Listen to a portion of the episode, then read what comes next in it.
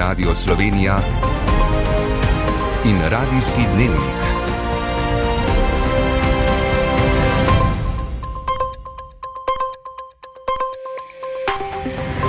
Ura je 18 in 30 minut. Lepo pozdravljeni. Spor, ki je zaradi zaostrenih razmer v zdravstvu v Ljubljani izbruhnil med županom Zoranom Jankovičem in pristojnim ministrom Danielem Bešičem Loredanom, je zglajen. Na skupnem srečanju s premijejem Robertom Golobom so po njegovih besedah ugotovili, da se je zgodil šum v komunikaciji, ki se mu želijo v prihodnje izogniti. Da potegnemo črto za nazaj in gledamo naprej in se dejansko posvetimo iskanju skupnih rešitev.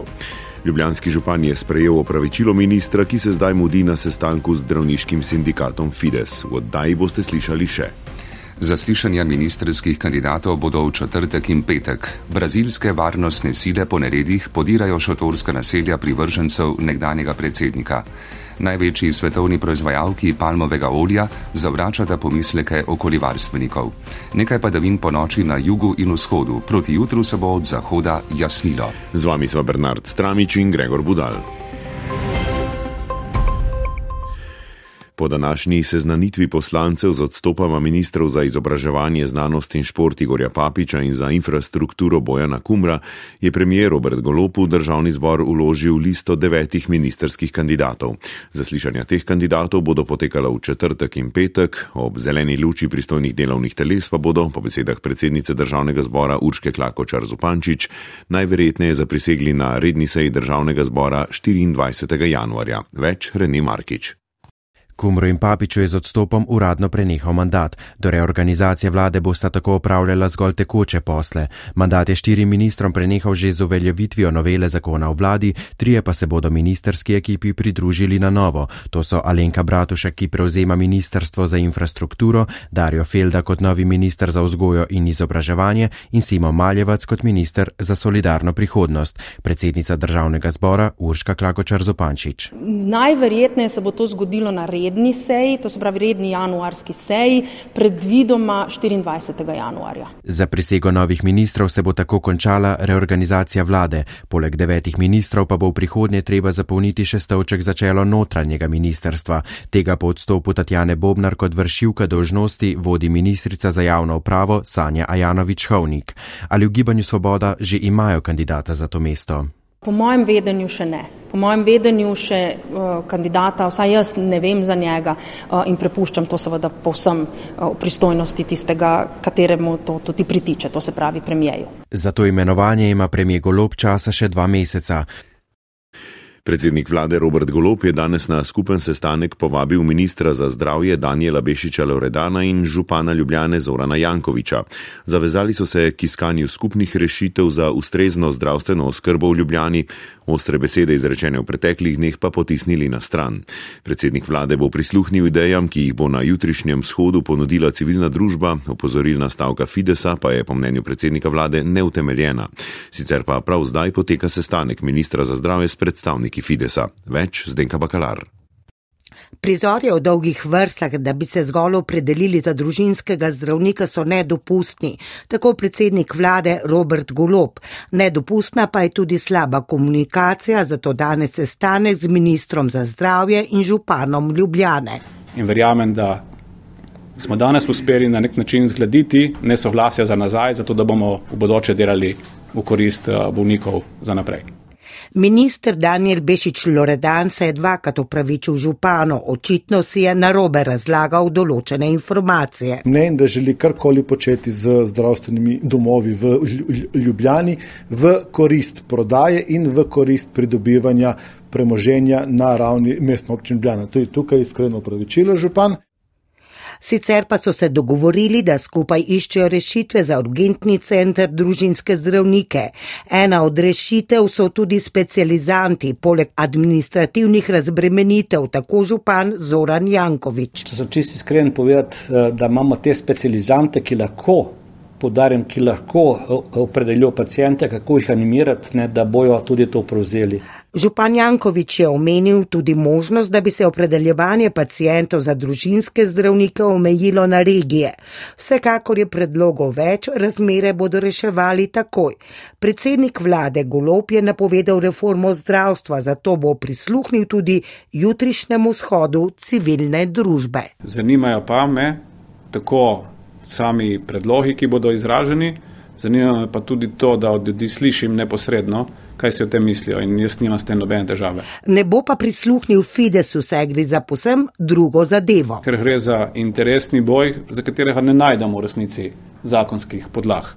Prav zdaj na ministrstvu poteka sestanek med Fidesom in Ministrstvom za zdravje. Sindikat zdravnikov pričakuje podpis osnutka stavkovnega sporazuma. Minister vnaprej nič ne obljublja. Da se usedemo za isto mizo in poskušamo najti rešitev, da do stavke v sredo ne pride. To je edini namen. Pod črto današnji sestanek pri predsedniku vlade je bil torej namenjen zgladitvi sporov med ministrom in županom, z obljubo, da bodo skupaj iskali rešitev za pereče stanje v zdravstvu v Ljubljani, na državni ravni pa je pred zdravstvom leto reform. V luči negotovih razmer v zdravstvu je Zveza organizacij pacijentov predstavila ukrepe in priporočila za dostopnejši in enakopravnejši zdravstveni sistem. Med drugim predlagajo prostovoljce v zdravstvenih domovih, ki bi razbremenili zdravnike, telefonsko številko 111 za vse potrebe pacijentov in verificirane sezname čakalnih vrst. Več Lara Grill. Z naborom ukrepov in priporočil Zveza organizacij pacijentov poziva k takojšnjemu ukrepanju ministra za zdravje Daniela Bešiča Loredana, ki se je z dokumentom seznanil minuli petek. Glavni ukrep na seznamu je vzpostavitev enotne telefonske številke 111 za vse potrebe pacijentov. Gregor Cuzak, generalni sekretar Zveza organizacij pacijentov. Osnovna ideja pa je, da eh, ko pokličem to številko, lahko zvem vse informacije. Jaz danes recimo ne vem, katere recepte imam v oblaku sem mogoče založil svojo napotnico ali pa ne vem, kje imam tisto potrditveno sporočilo in še vrsta drugih stvari. Številka 112 in 113, ki jih vsi poznamo, če služijo pač vsaka svojemu namenu, mislimo, da zdravstvo tudi je toliko pomembno, da bi si zaslužilo posebno številko. V zvezi predlagajo tudi računalniško podporo vračanja klicev, s čimer bi pacijenti do zdravstvenega osebja prišli najkasneje v 24 urah, verificiranje seznamov čakalnih vrst in SMS opomnike za naročene termine in dvige receptov.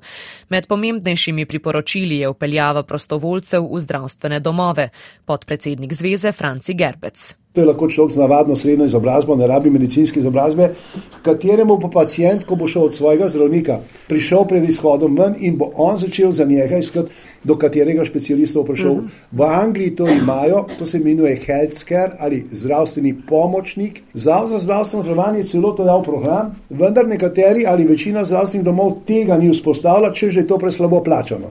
Predlog je že pozdravil zdravstveni minister Bešič Loredan, ki se bo s predstavniki Zveze organizacij pacijentov sestal v tem tednu. Radijski dnevnik. Po sinočnih neredih v Braziliji, v katerih so privrženci nekdanjega predsednika Žaira Bolsonara udrli v stavbe Zvezdnega kongresa, vrhovnega sodišča in na sedež vlade, so brazilske varnostne sile danes v prestolnici države vzpostavile red.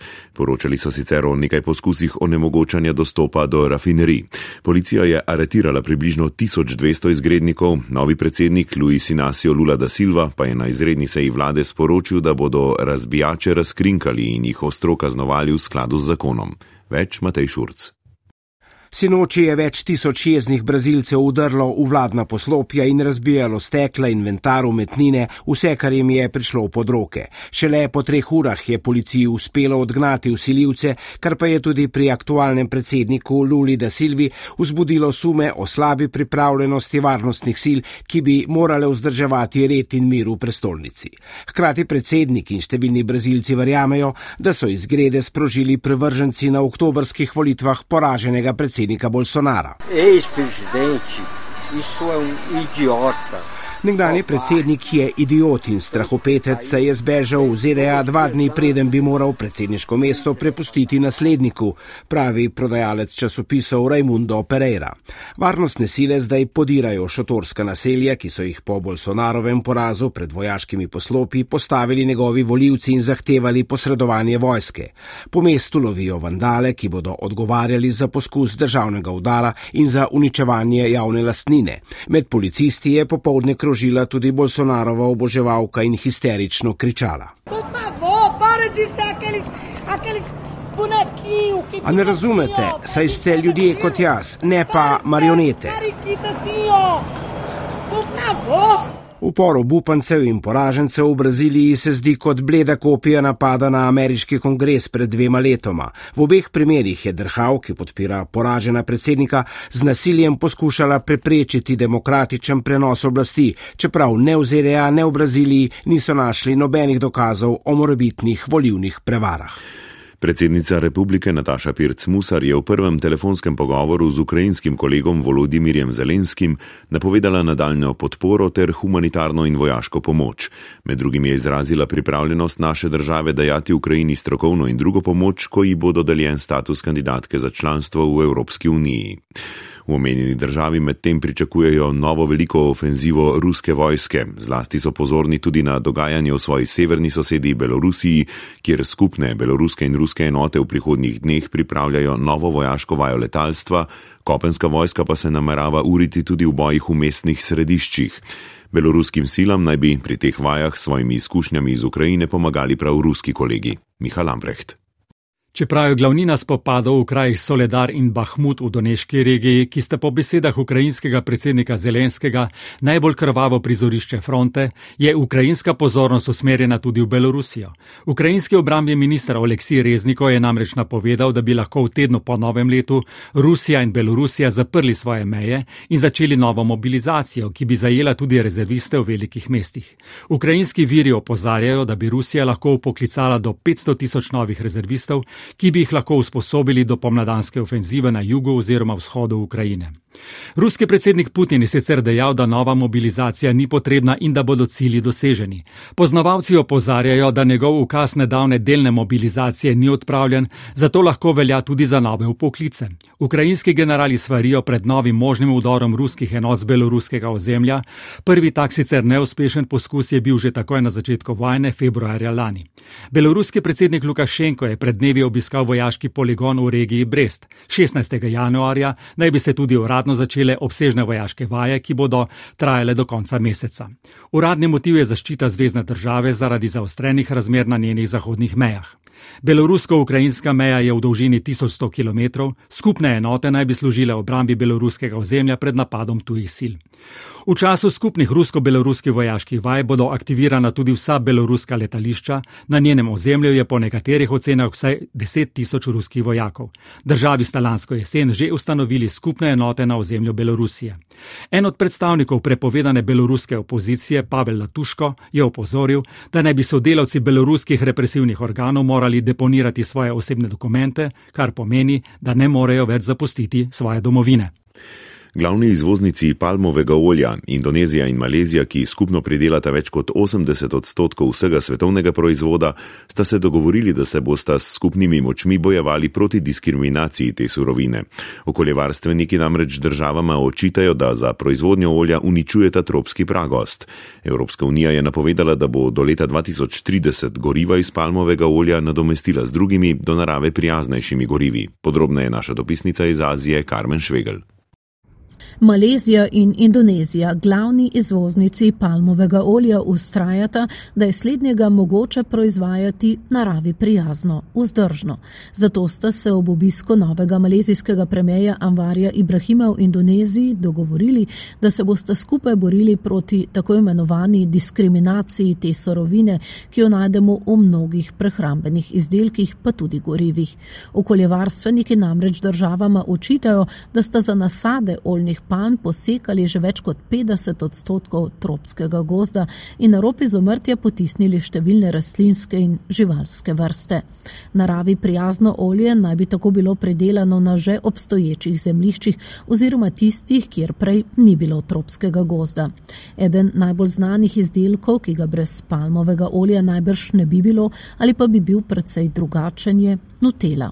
Ta ustrajno že leta uglašuje, da nadzoruje poreklo palmovega olja, uporabljeno za proizvodnjo namaza in lahko potrošnikom zagotovi, da je to pridelano ekološko in okolju prijazno. Palmovo olje pa sestavlja tudi vedno večji delež biogoriv uporabljenih v Evropi in sicer dobro tretjino. Okoljevarstvene organizacije ugotavljajo, da je uporaba palmovega olja v gorivih okoljsko bolj problematična od fosilnih goriv. Toda palmovemu olju je težko najti alternativo zaradi svojih značilnosti in učinkovite pridelave. Na svetovni ravni palmovo olje predstavlja 40 odstotkov vseh rastlinskih olj, za kar pa je potrebnih le 6 odstotkov obdelovalne zemlje. V primerjavi s sončnečim oljem je tako na hektarju zemlje mogoče pridelati skoraj petkrat toliko palmovega olja. Slovenske žičničarje bo v prihodnja štiri leta vodil Boštjan Paradiš, sicer direktor družbe Vabo Skop. Tako so se na današnji skupščini odločili žičničarji. Boštjan Paradiš, njegova protikandidatka je bila dozdajšnja predsednica Manuela Božič Badalič, delo prevzema v času velikih naložb, dragih energentov in težav, ki jih upravljavcem smučišč povzroča toplo vreme se moramo zavedati, da v prihodnje brez umetnega zasneževanja smučanja v, tako v Sloveniji kot v Evropi ne prakticiramo več, kako delež teh stroškov sofinancirati. Elektrika se je enormno podražila, zasnežili smo smučišča, od juga je vse skupaj odnesla. To je neka, neke vrste loterija in zato je treba uvesti nek sistemski ukrep. Številna niže ležeče smučišča so zaprta, v Kranski gori obratujejo zgolj tri manjše vlečnice. Povsod pa upajo na novo zapadli sneg, ki ga imata za obratovanje dovolj visokogorski smučišči Kanin in Vogel. Ob napadu na poslanca SDS Branka Grimsa lani oktobra po ugotovitvah policije ni bilo stika med njim in napadalcem, poroča portal N1. Policisti nadaljujejo iskanje neznane osebe, ki so jo posnele kamere, saj ravnanje vsebuje elemente prekrška. Grims je sicer takoj po napadu trdil, da ga je neznanec potisnil po stopnicah in da ga razume kot poskus umora. Pred nekaj trenutki smo izvedeli, da je sestanek med Ministrstvom za zdravje in sindikatom Fides glede sredine stavke zdravnikov za danes končan. Strani sta se strinjali, da boste jutri nadaljevali medijacijo pod vodstvom Slovenskega zdravniškega društva. Odločitev o stavki bo znana najpozneje do 18. ure. Medtem potekajo še ena pogajanja in sicer glede preniskih plač pomočnikov vzgojiteljev. Na prejšnjem sestanku je vlada ponudila dvig plač za od 3 do 4 plačne razrede, v sindikatu vzgoje in izobraževanja pa pričakujejo pričakujejo 20-odstotni dvig. Sledi šport, z vami bo Klemen Verlič. Prijeten večer želim.